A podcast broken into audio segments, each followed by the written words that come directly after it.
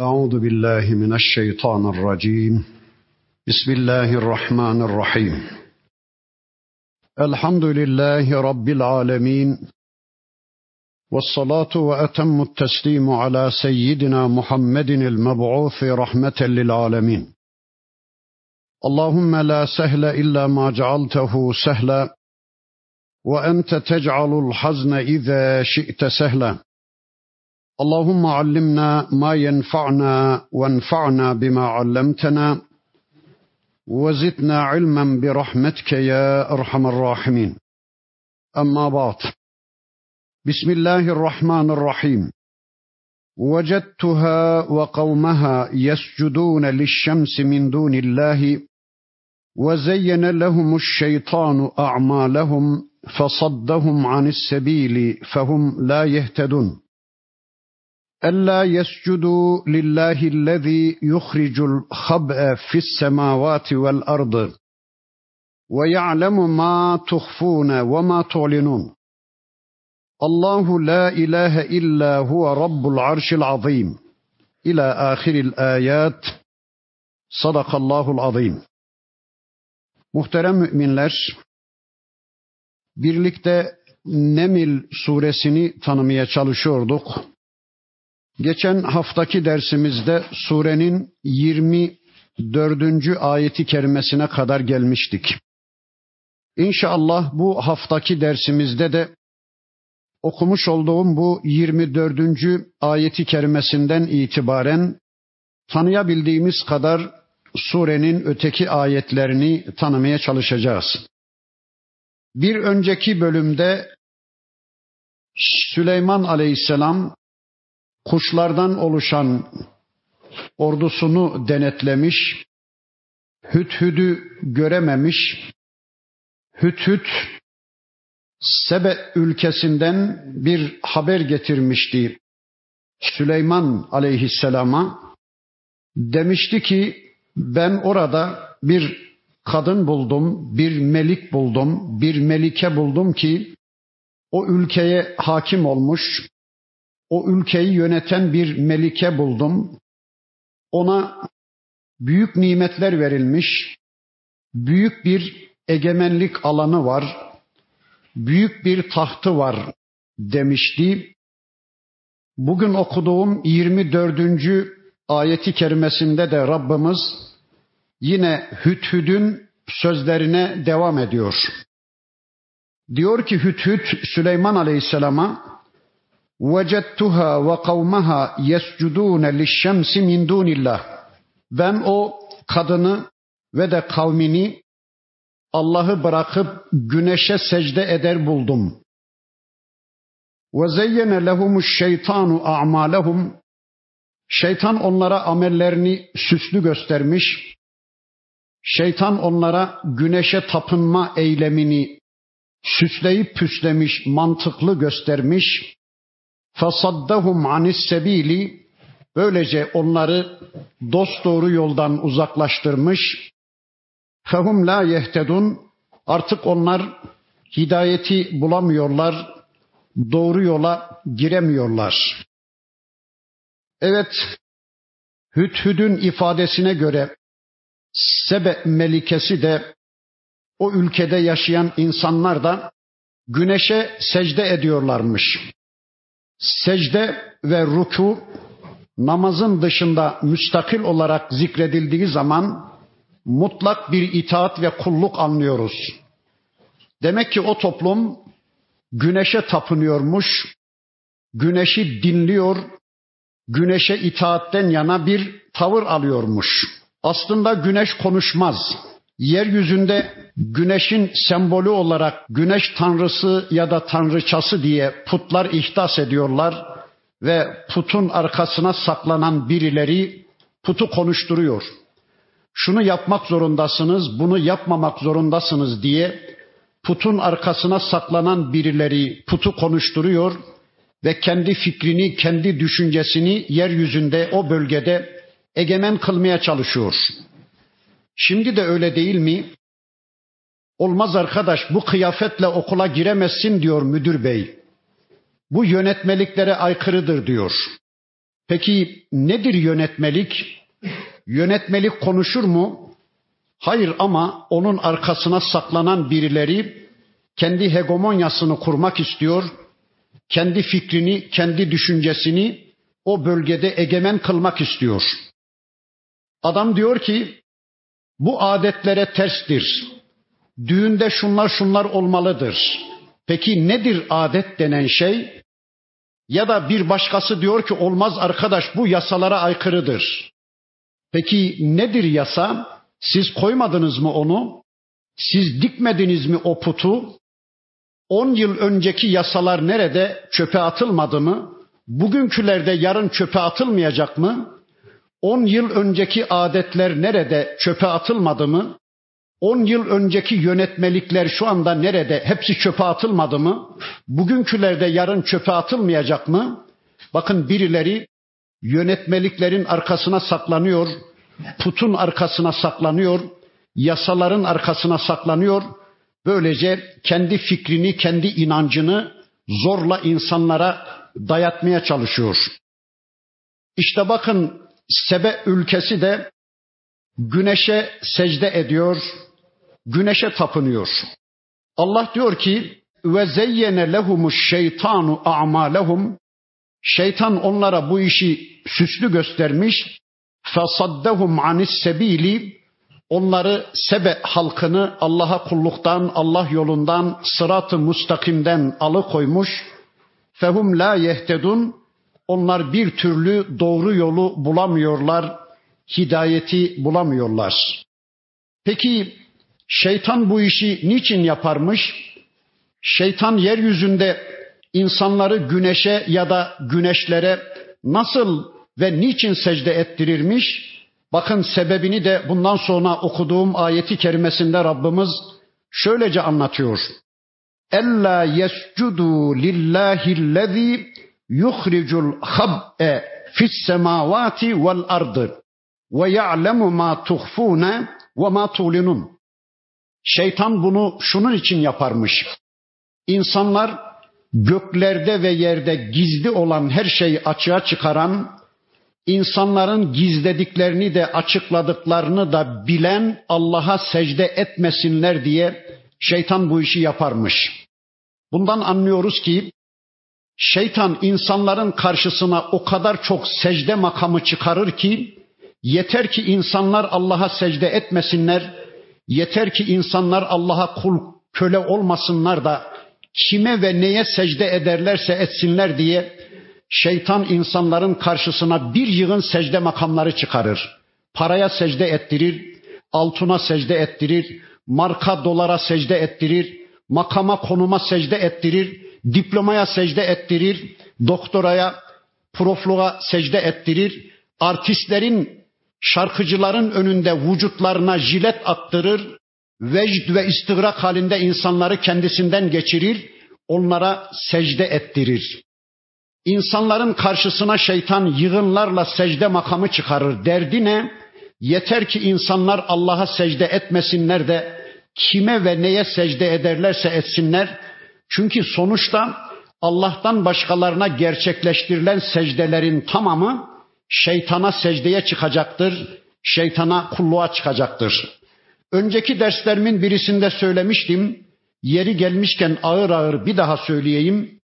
Şeytan insanların karşısına öyle kitaplar çıkarır ki yeter ki insanlar Allah'ın kitabına yönelmesinler Yeter ki insanların Allah'ın kitabını okuyacak zamanları kalmasın diye şeytan insanların karşısına öyle kitaplar çıkarır ki aman falan zatın eserini okuyun.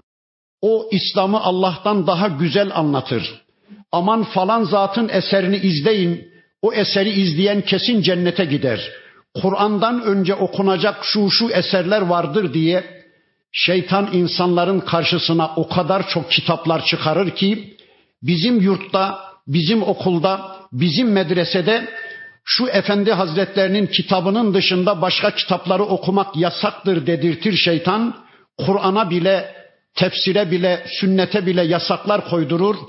İnsanların karşısına o kadar çok kitaplar çıkarır ki yeter ki insanlar Allah'ın kitabını okumasınlar.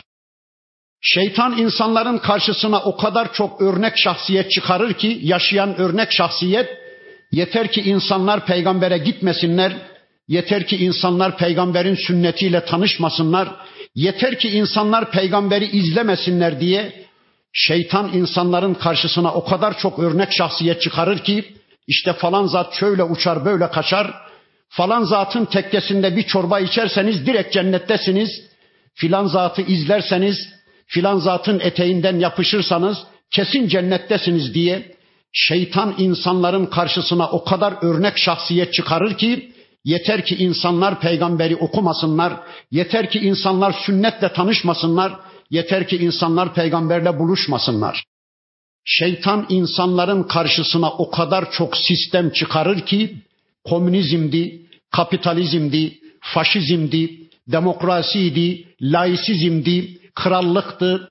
O kadar çok sistem çıkarır ki yeter ki insanlar Allah'ın şeriatına yönelmesinler. Yeter ki insanlar Allah'ın sistemiyle yönetilmesinler. Allah'ın sistemini arama gereği duymasınlar diye o kadar çok sistem çıkarır ki bakın işte burada da anlatıyor Rabbimiz. Şeytan onlara güneşe secde etmeyi süslü gösterdi. Güneş aslında büyük yıldızdır. Yani yıldızlara secde ettirir. Yıldızı parlayan nicelerine şu anda niceleri secde ediyor Allah korusun. Allahu la ilahe illahu. Halbuki Allah'tan başka ilah yoktur. Allah'tan başka sözü dinlenecek varlık yoktur. Allah'tan başka yasaları uygulanacak varlık yoktur. Allah'tan başka çektiği yere gidilecek, hatırı kazanılacak varlık yoktur. Rabbul arşil azim ki o Allah azim arşın Rabbidir, büyük arşın Rabbidir. Ben önceki derslerimde arşın ne anlama geldiğini demeye çalıştım. Evet, böylece Hüt Hüt Süleyman Aleyhisselam'a getirdiği haberleri sundu. Dedi ki ben bir ülkeden geliyorum. Orada bir kadın gördüm. Bir melike hem o melike hem de onun toplumu güneşe secde ediyorlar dedi. Bakın Süleyman Aleyhisselam buyurdu ki Kale senenzuru bakacağız, göreceğiz. E sadakte emkunte minel kadibin. Doğru mu söylüyorsun yoksa yalancılardan mısın? Ey hüt hüt bakacağız, göreceğiz dedi ve Allah'ın elçisi sevgili peygamberimiz yasal örneğimiz Süleyman Aleyhisselam bir mektup yazdı ve bakın şöyle buyurdu. Ey Hüt haydi izheb bi kitabi hada şu mektubumu al götür feelqih ileyhim şu sözünü ettiğin Sebe melikesi Belkıs'ın oturduğu odaya, onun sarayında, onun bulunduğu odaya o mektubu at. Sümme tevelle anhum. Sonra şöyle bir kenara çekil. Onlardan bir kenar dur. Fenzur bak gör bakalım mada yerciun nereye gidecekler, nereye dönecekler, ne yapacaklar, nasıl bir karar verecekler izle bakalım dedi. Süleyman Aleyhisselam bir mektup yazdı. Onu o hüt hüt kuşuna verdi. Hüt hüt götürdü mektubu. Aradaki boşlukları mecburen kendimiz tamamlıyoruz kraliçenin o melikenin bulunduğu odaya pencereden attı, camı kırarak mı açarak mı her neyse pencereden attı. Kadın şaşırdı. Bir kuş tarafından, küçücük bir kuş tarafından kendisine bir mektup getirilmişti. Bir mesaj ulaştırılmıştı. Hemen alel acele açtı mektubu okudu. Süleyman Aleyhisselam'ın yazdığı mektuptan bir anda etkilendi. Belki de kalbine hemen hidayet damlamaya başladı. Hemen kadın danışmanlarını çağırdı, ordu komutanlarını çağırdı, istişare heyetini çağırdı. Bakın onlara dedi ki galet ye eyyuhel mele ey benim danışmanlarım, ey benim dostlarım, ey benim ülke yönetiminde bana yol gösteren, benim kendileriyle istişare ettiğim danışmanlarım.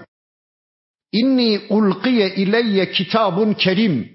Bana çok kerim bir mektup bırakıldı bana çok değerli, çok mübarek, çok üstün, çok değerli bir mektup bırakıldı. O mektup şunları söylüyor. innehu min Süleymane Süleyman'dan ve innehu bismillahirrahmanirrahim. Mektup böyle başlıyordu. Süleyman'dan ben Rahman ve Rahim olan Allah'ın adıyla başlarım. Belki de mektubun sonu da şöyle bitiyordu.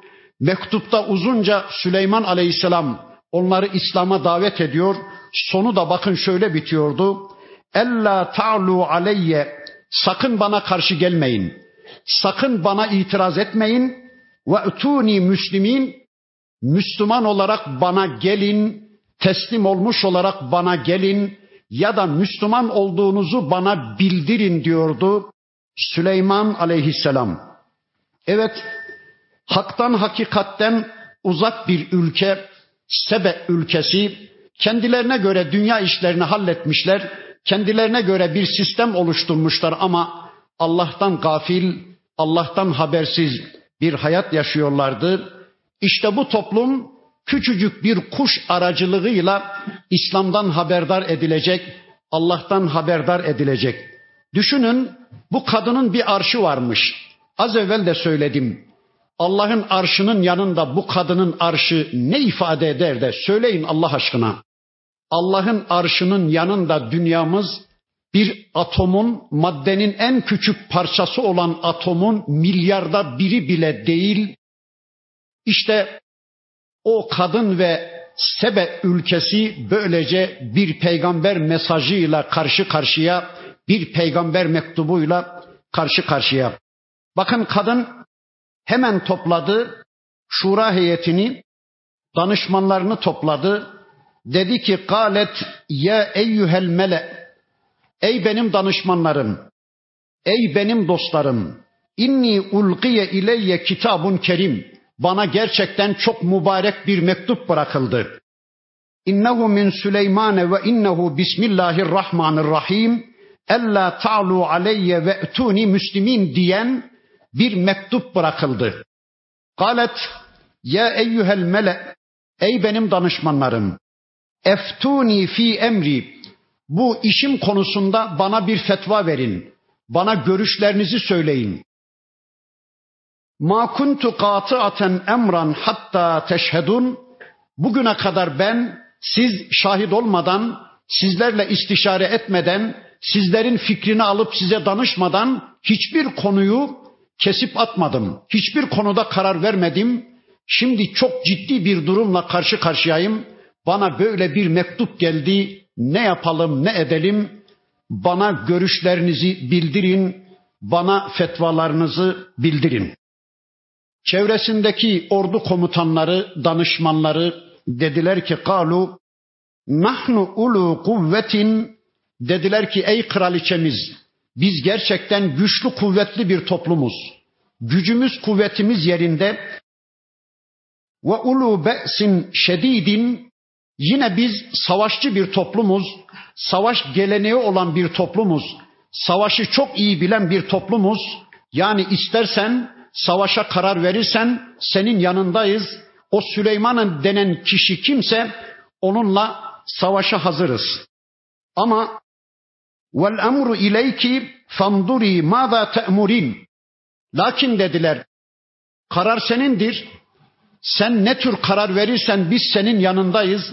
Eğer savaşmaya karar verirsen senin yanındayız. Biz gerçekten savaşlı, güçlü, kuvvetli savaşı bilen bir toplumuz. Yok eğer Müslüman olmaya karar verirsen, barıştan yana bir karar verirsen biz yine senin desteğindeyiz, yine senin yanındayız dediler. Kadın gerçekten çok ferasetli, dirayetli, aklı başında bir kadın. Bakın dedi ki, قالت إن الملوك إذا دخلوا قرية efseduha. Melikler, krallar, güçlü melikler bir ülkeye girdikleri zaman bir ülkeyi işgal ettikleri zaman o ülkenin altını üstüne getirirler. O ülkeyi fesada verirler. Cealu e'izzete ehliha ezilleten işgal ettikleri ülke insanlarını aziz olanları zelil kılarlar, aşağılarlar, ezerler dedi. Ve kezalike yef'alun işte melikler böyle yaparlar dedi. Yani etrafındaki komutanlarına Şura heyetine kadın şunları söyledi. Tamam güçlüsünüz, savaşçı bir toplumsunuz biliyorum ama karşımızdaki Süleyman'ın gücünü kuvvetini bilmiyoruz. O gerçekten gücü kendisinden olan birisi mi yoksa gücünü Allah'tan alan arkasında Allah desteği olan birisi mi bunu bilmiyoruz.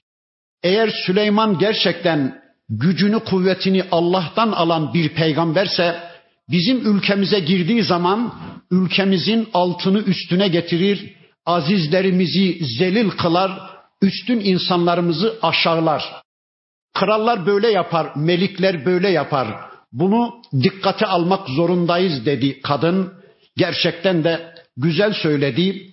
Tarihen şahittir ki istilacılar bir ülkeye girdikleri zaman o ülkede artık hiçbir hayır bırakmazlar. Azizlerini zelil ederler. O ülkenin altını üstüne getirirler. İşte Irak'a girenler öyle yapmadılar mı? Bir dönem Körfez'de, Körfez Savaşı'nda Amerikan askerleri Araplara teslim olan Arap Müslüman askerlere çizmelerini öptürdüler. Biz bunu gözlerimizle gördük. Hala şu anda da dünyada aynı şeyler oluyor. Bakın kadın dedi ki iyi düşünelim. Sonra bir teklifte bulundu. Dedi ki ve inni mursiletun ileyhim bi hediyetin ben önce Süleyman'a çok kıymetli hediyeler göndereceğim. Onu bir tartacağım. Süleyman'ı bir ölçüp tartacağım. Fenazıratun bime yerci'ul murselun bizim elçilerimiz neyle dönecekler, hangi haberle dönecekler ona bakıp ondan sonra karar vereceğim. Bakın diyor ki kadın, ben Süleyman'a çok kıymetli hediyeler göndereceğim. Onu bir ölçüp tartacağım.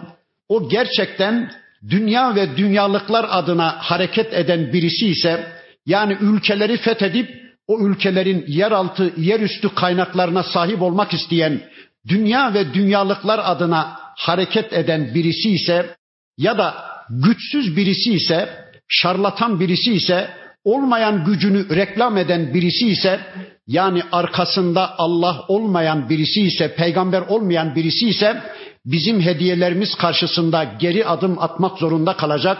Hediyelerimiz karşısında gözleri kamaşacak. Onun vicdanını böylece satın almış olacağız. Yok eğer o gerçekten bir Allah elçisi ise, arkasında Allah desteği olan bir peygamberse bizim hediyelerimize hiçbir değer vermeyecek. Onun o hediyeler karşısındaki tavrına göre ben kararımı vereceğim. Ya Müslüman olacağım, teslim olacağım ya da onunla savaşacağım dedi kadın. Böylece Süleyman aleyhisselama çok kıymetli hediyeler gönderdi. Felemma ca'e Süleymane o elçiler hediyeleri getiren elçiler hediyeleriyle birlikte Süleyman aleyhisselama geldiler. Bakın yasal örneğimiz, yasal imamımız, sevgili peygamberimiz Süleyman aleyhisselamın hediyeler karşısındaki tavrını bizim için çok çok önemli. Rabbimiz şöylece anlatıyor. Kale hediyeler kendisine takdim edilince Allah'ın elçisi Süleyman aleyhisselam dedi ki Etümiddûneni bimalin şu getirdiğiniz mallar, mülklerle bana destek olmak mı istiyorsunuz? Beni güçlendirmek mi istiyorsunuz? Beni satın almak mı istiyorsunuz? Beni böylece etkileyip geri adım atmamı sağlamak mı istiyorsunuz? Fema atan yallahu hayrum mimma atakum. Halbuki Allah'ın bana verdiği nimetler size verilenlerden çok daha hayırlıdır. Allah'ın bana verdiği mülk ve saltanat sizin bana getirdiğiniz şu hediyelerden çok daha değerlidir, çok daha hayırlıdır. Bir bakın benim saltanatıma, rüzgarlar benim emrimde, cinler benim emrimde, şeytanlar benim emrimde, hayvanlar benim emrimde, kuşlar benim emrimde, insanlar benim emrimde. Üstelik bir de Süleyman peygamber rivayetlere göre altın madeni akan ırmakları varmış. Allahu Ekber. Altın akıp gidermiş ırmak halinde o gücünü kuvvetini gösterdiği sonra dedi ki bakın bel entum bi hediyetikum tefrahun belki sizler çocuklar gibi şu getirdiğiniz hediyelerinizle Sevinirsiniz, ferahlanırsınız.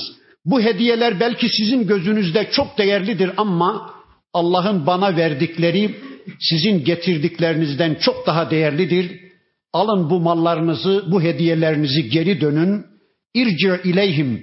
Dönün Melike'ye, dönün ülkenize. Felene etiyennehum bi cunudin ben öyle bir orduyla geliyorum ki haber verin Belkıs'a, haber verin ülkenize. Ben öyle bir orduyla geliyorum ki cinlerden, şeytanlardan, insanlardan, kuşlardan, hayvanlardan, rüzgarlardan, dağlardan, taşlardan oluşan öyle güçlü, kuvvetli bir orduyla geliyorum ki la qibele lehum biha. Onun mukabili yoktur. O ordunun karşıtı yoktur. O orduya karşı gelebilecek yeryüzünde hiçbir güç yoktur. Ve le nuhricennehum minha ezilleten ve hum sagirun. O Sebe ülkesinin insanlarını küçülmüş, alçalmış olarak oradan çıkaracağım. Hepsinin işini bitireceğim. Allahu Ekber. Yasal örneğimizin hediyeler karşısındaki tavrına, tutumuna bir bakın. Bu bizim için çok önemli. Peki onun yolunun yolcusu olan, onun davasına, onun misyonuna sahip çıkan biz Müslümanlar Allah için söyleyin.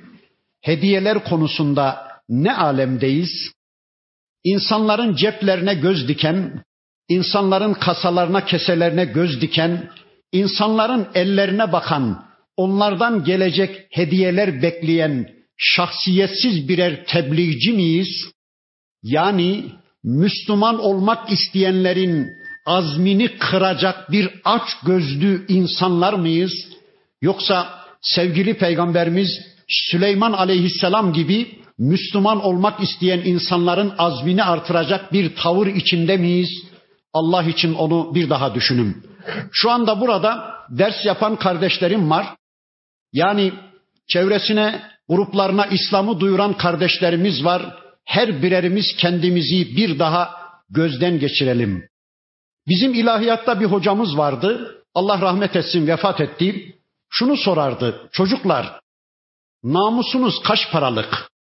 Sizi birileri satın almaya geldiği zaman sizin fetvalarınızı, sizin ayeti duyurmalarınızı, sizin hadisleri yorumlamanızı birileri kendi lehine satın almaya geldiği zaman kaç paraya kadar dayanabilirsiniz? 5 milyar mı 10 milyar mı diye sorardı. O zaman pek anlayamazdım ama sonradan öyle güzel anladım ki aynı okuldan mezun olduğumuz nice arkadaşlarımız nice ucuz şeylere satıldılar. Bunları acı acı gözlerimle tecrübe ettim ve gördüm. Kimisi makama satıldı, kimisi diplomaya satıldı, kimisi doçentliğe satıldı, kimisi doktoraya satıldı, kimisi profluğa satıldı. Çok çok ucuz şeylere satıldı. Mesela şu anda ben burada partici kardeşlerim var. Şu ayetleri onları kızdırmayacak biçimde yorumlayayım, öteye beriye sündüreyim desem Burada tasavvuf erbabı kardeşlerim var. Şu ayetler onların zülfiyarına dokunacak. Ben onları üzmeden bu ayetleri şöyle yorumlayayım desem işte ben de satıldım demektir. Allah korusun nice arkadaşlarımın satıldığını bizzat ben gözlerimle gördüm. Peki niye satıldılar? Çok ucuza. Ya karşılığında dünyayı alsalar, iki dünya alsalar neyi kaybettiler? Cenneti. Peki cennet ne?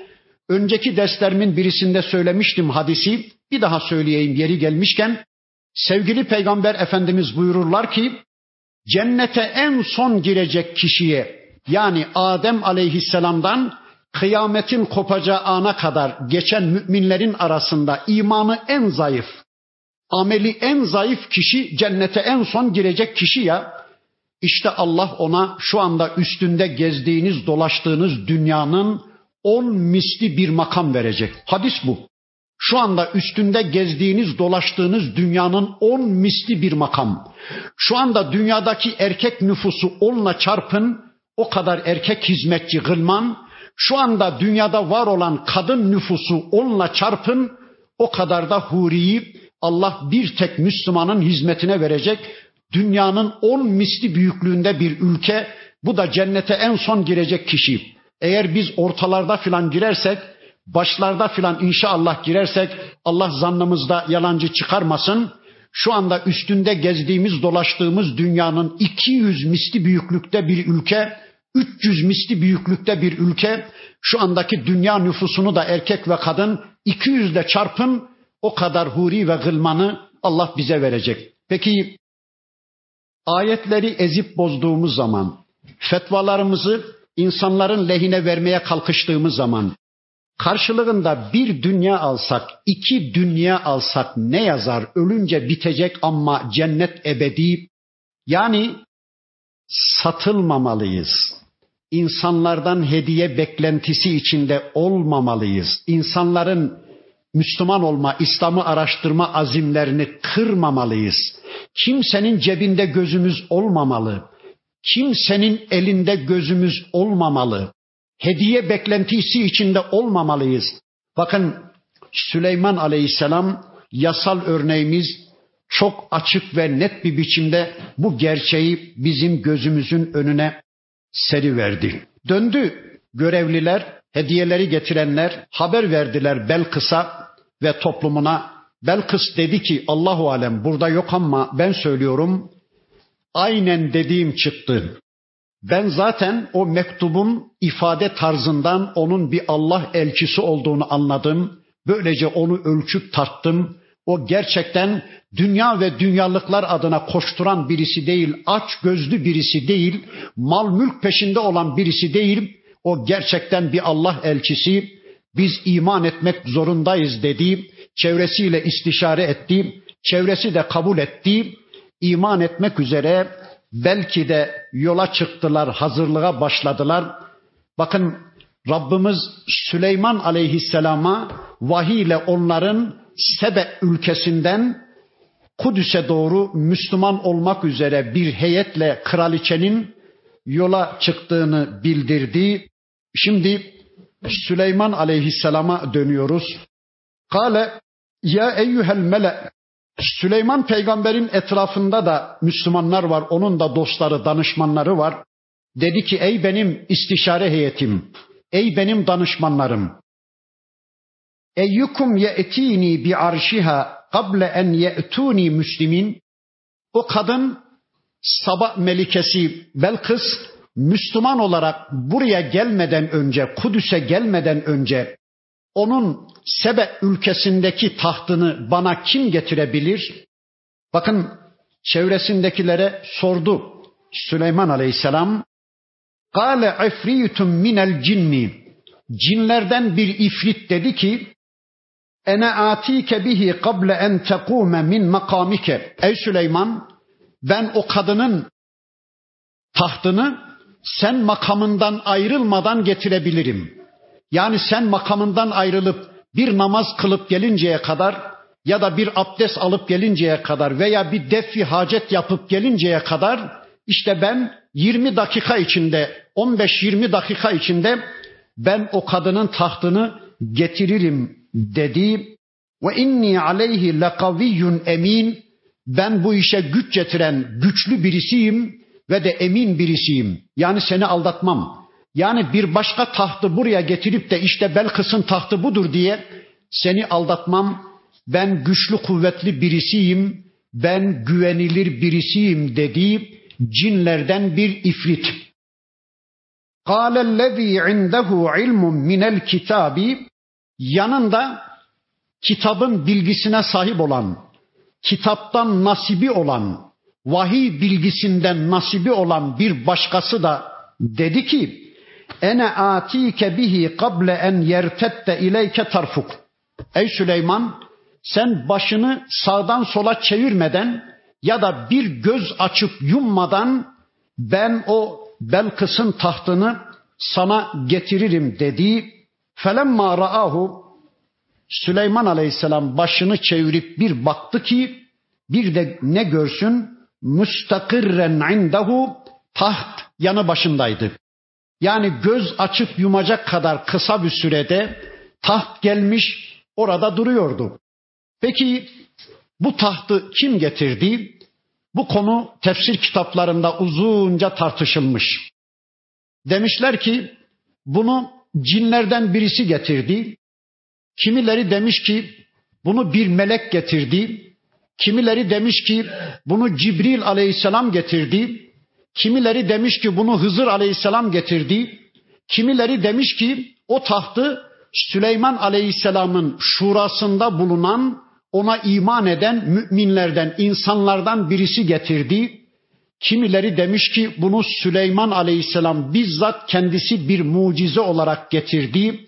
Bu son maddeyi ben de kabul edenlerdenim. Onu getiren, o tahtı getiren Süleyman aleyhisselamın peygamberin bizzat kendisi.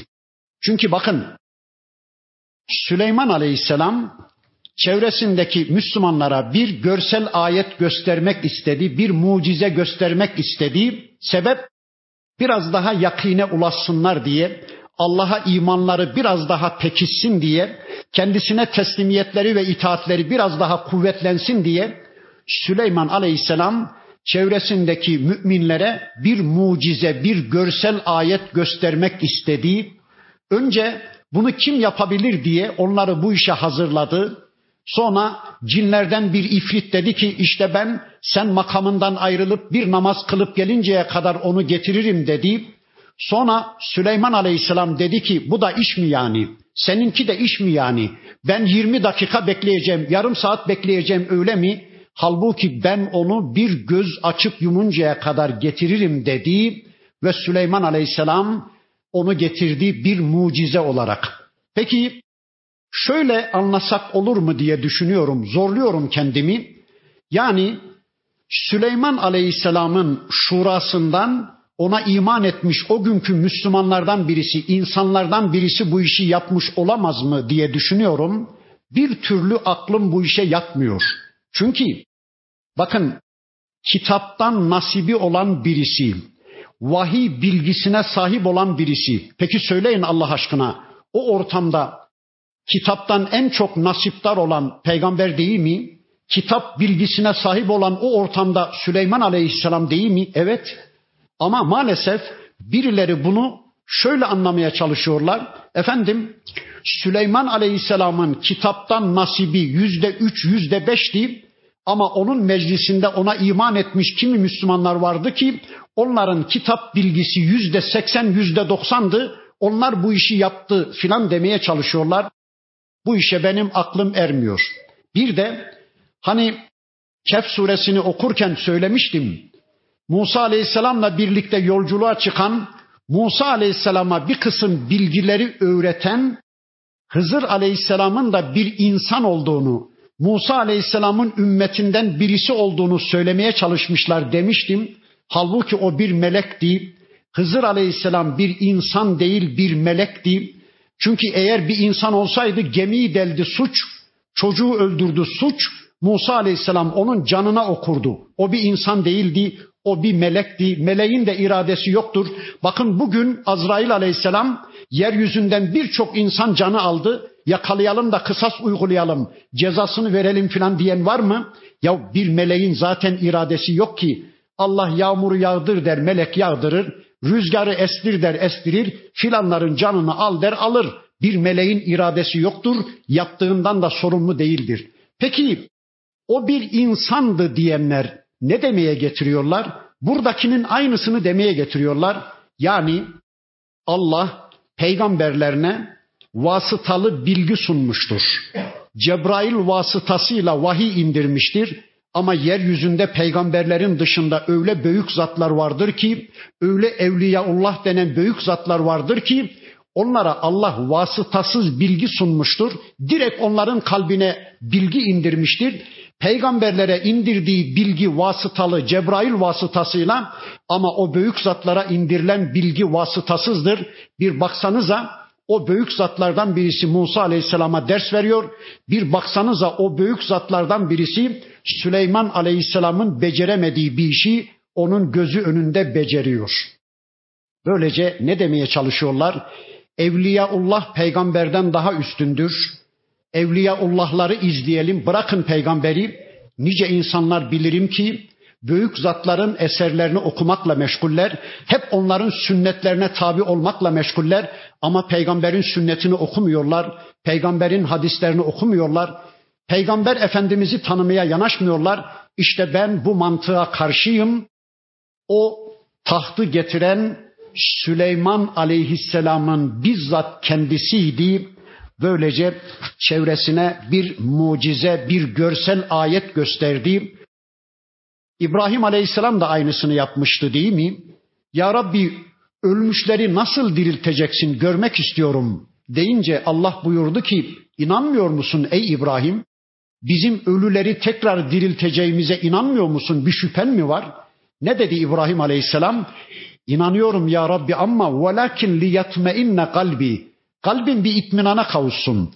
Kalbin bir doyuma ulaşsın ya Rabbi şeksiz şüphesiz bir yakine ulaşsın ya Rabbi diyordu ya. İşte Süleyman aleyhisselam da çevresindeki müminleri böyle bir yakine ulaştırmak istediği, böyle bir mucizeyi onlara göstermek istedi. Sonra dedi ki bakın, "Kale hâzâ min fadl Rabbi." Dedi ki bu benim Rabbimin fazlı ikramıdır. Bu benim Rabbimin bana bir ihsanıdır. Liye Lüveni Rabbim bununla beni deniyor. Bana verdiği bu imkanla, bana verdiği bu fırsatla Rabbim beni deniyor. E eşkuru em ekfuru. Ben şükür mü edeceğim yoksa mankörlük mü yapacağım? Yani bu nimet karşısında Allah'ın bana lütfettiği bu ikram karşısında ben şükür mü edeceğim yoksa nankörlük mü yapacağım? Ve men şekera kim şükrederse kim ulaştığı bir nimet karşısında şükreder, o nimeti Allah'tan bilir, o nimeti kullanırken Allah'ın adını anır, o nimeti kullandıktan sonra Allah'a kulluğa yönelirse fe innema yeşkuru li nefsihi o gerçekten kendisi için şükretmiştir. Kendi menfaatine şükretmiştir.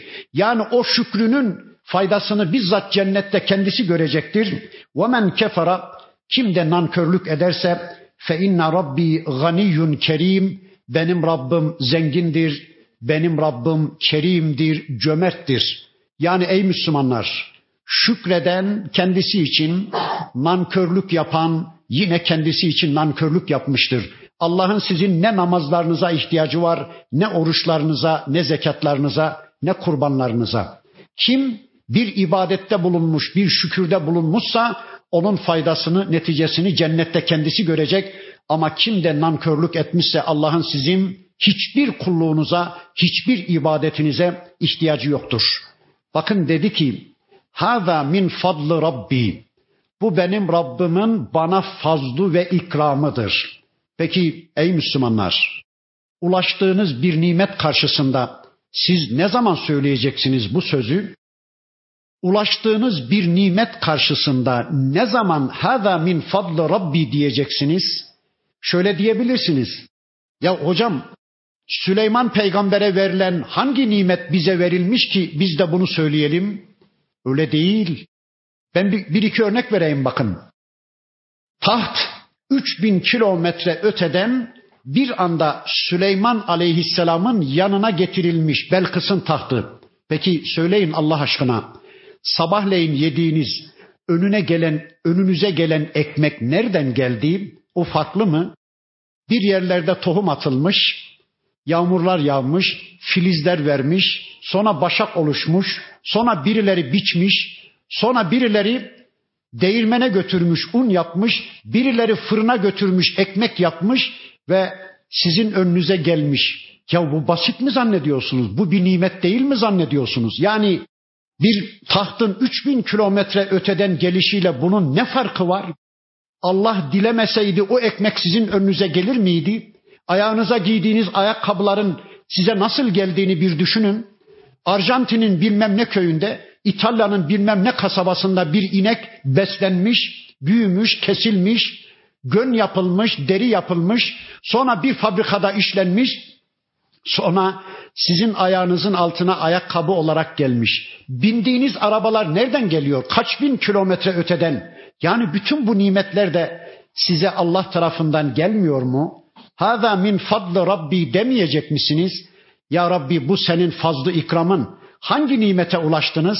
Kadınsanız bir erkek nimetine mi?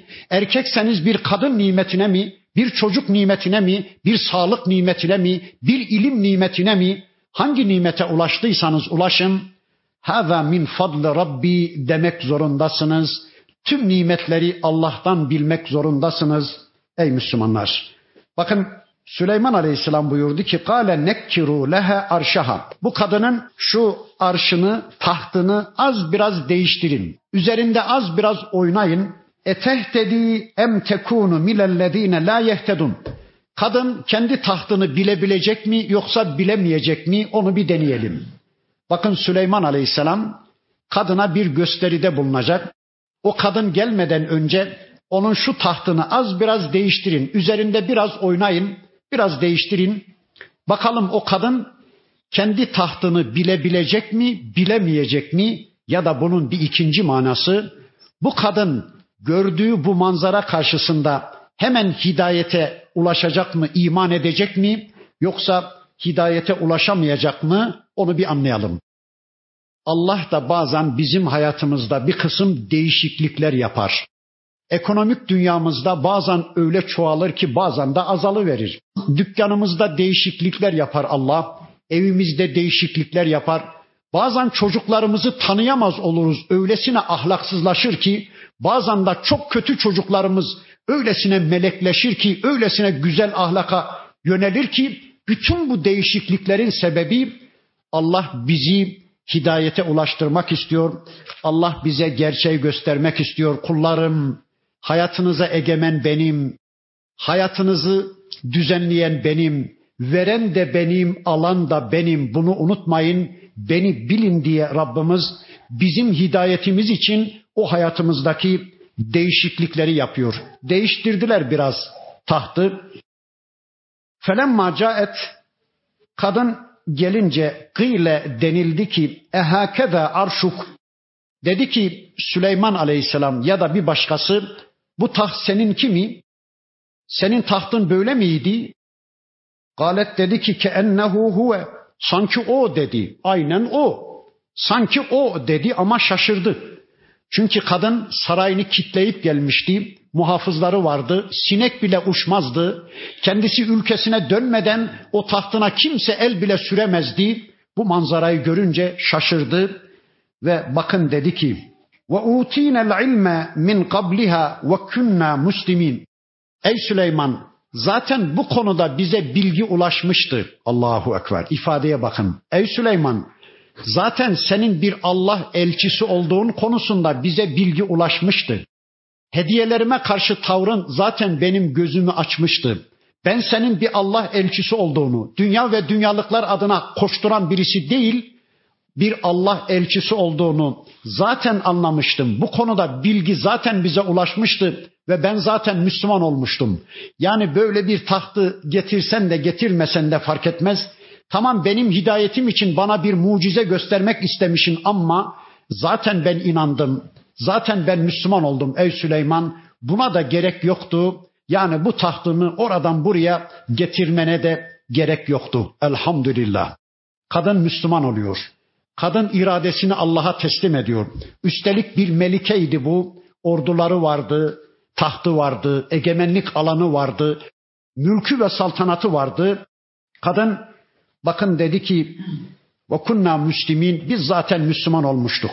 Ve saddaha ma kanet ta'budu min dunillah o önceden tapındığı şeyler işte güneş tanrısı, ay tanrısı, onu Allah'a kulluktan alıkoymuştu ya da şu anda artık Allah onu başka şeylere tapınmaktan alıkoydu ya da Süleyman peygamber artık onu Allah'tan başkalarına tapınmaktan alıkoydu.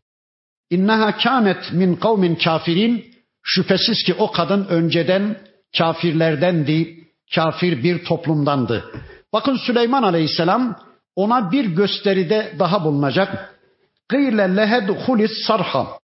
Kadına dendi ki şu köşke de buyur. Seni şuraya da alalım dedi Süleyman Aleyhisselam. Camdan yapılmış, saydam camdan yapılmış müthiş bir köşk. Yani gerçekten ne korkunç bir teknoloji. Süleyman Aleyhisselam döneminde her tür nimet ayağının altında kadını ikinci bir köşke daha davet etti. Felemma ra'ethu hasibethu lücceden. Kadın o köşke yürürken bir antreden, bir holden geçiliyordu. Şeffaf camdan yapılmış bir holden geçiliyordu. Suya bastım zannetti, suya dalıyorum zannetti.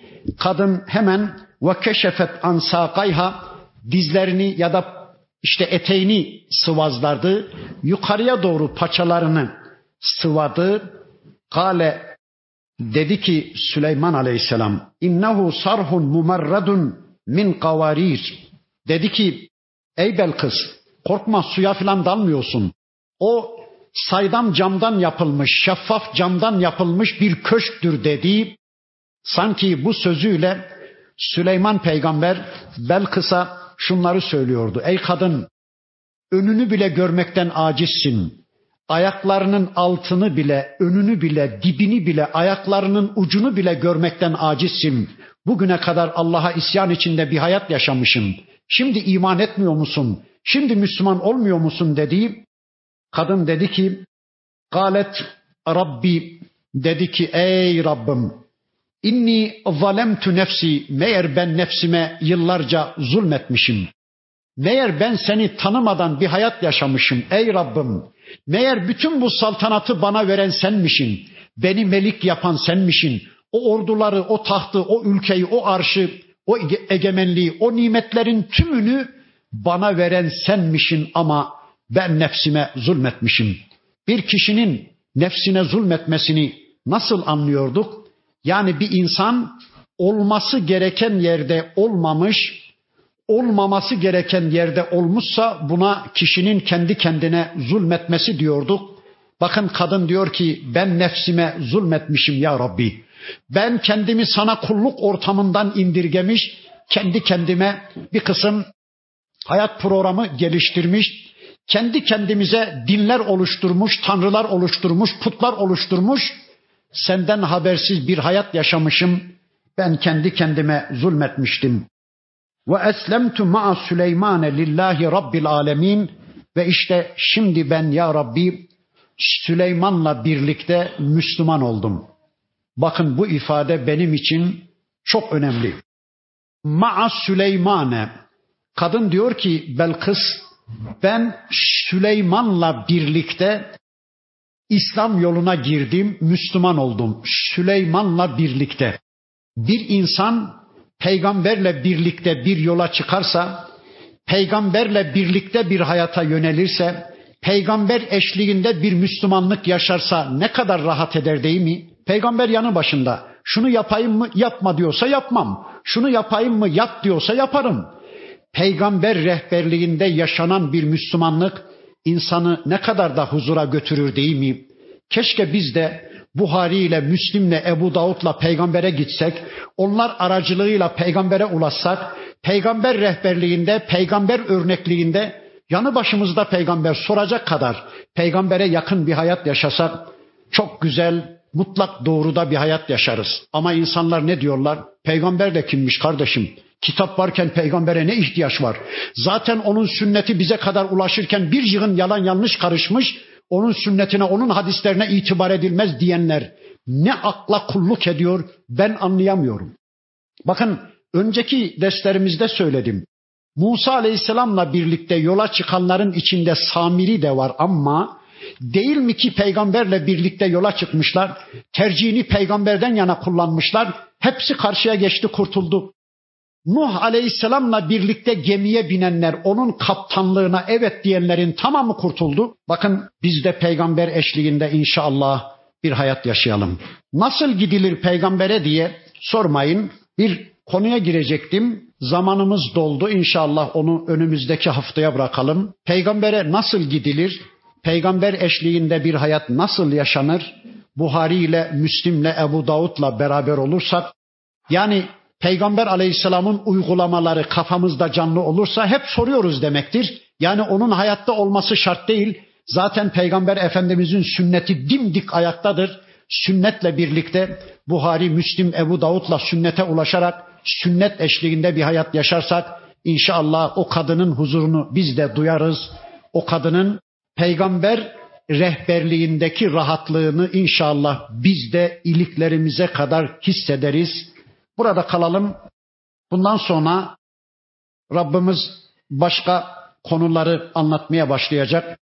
Önümüzdeki hafta kaldığımız yerden Rabbimizin öteki ayetlerini tanımak için tekrar bir araya gelmek üzere Allah'a emanet olun. Subhaneke Allahumma ve bihamdik.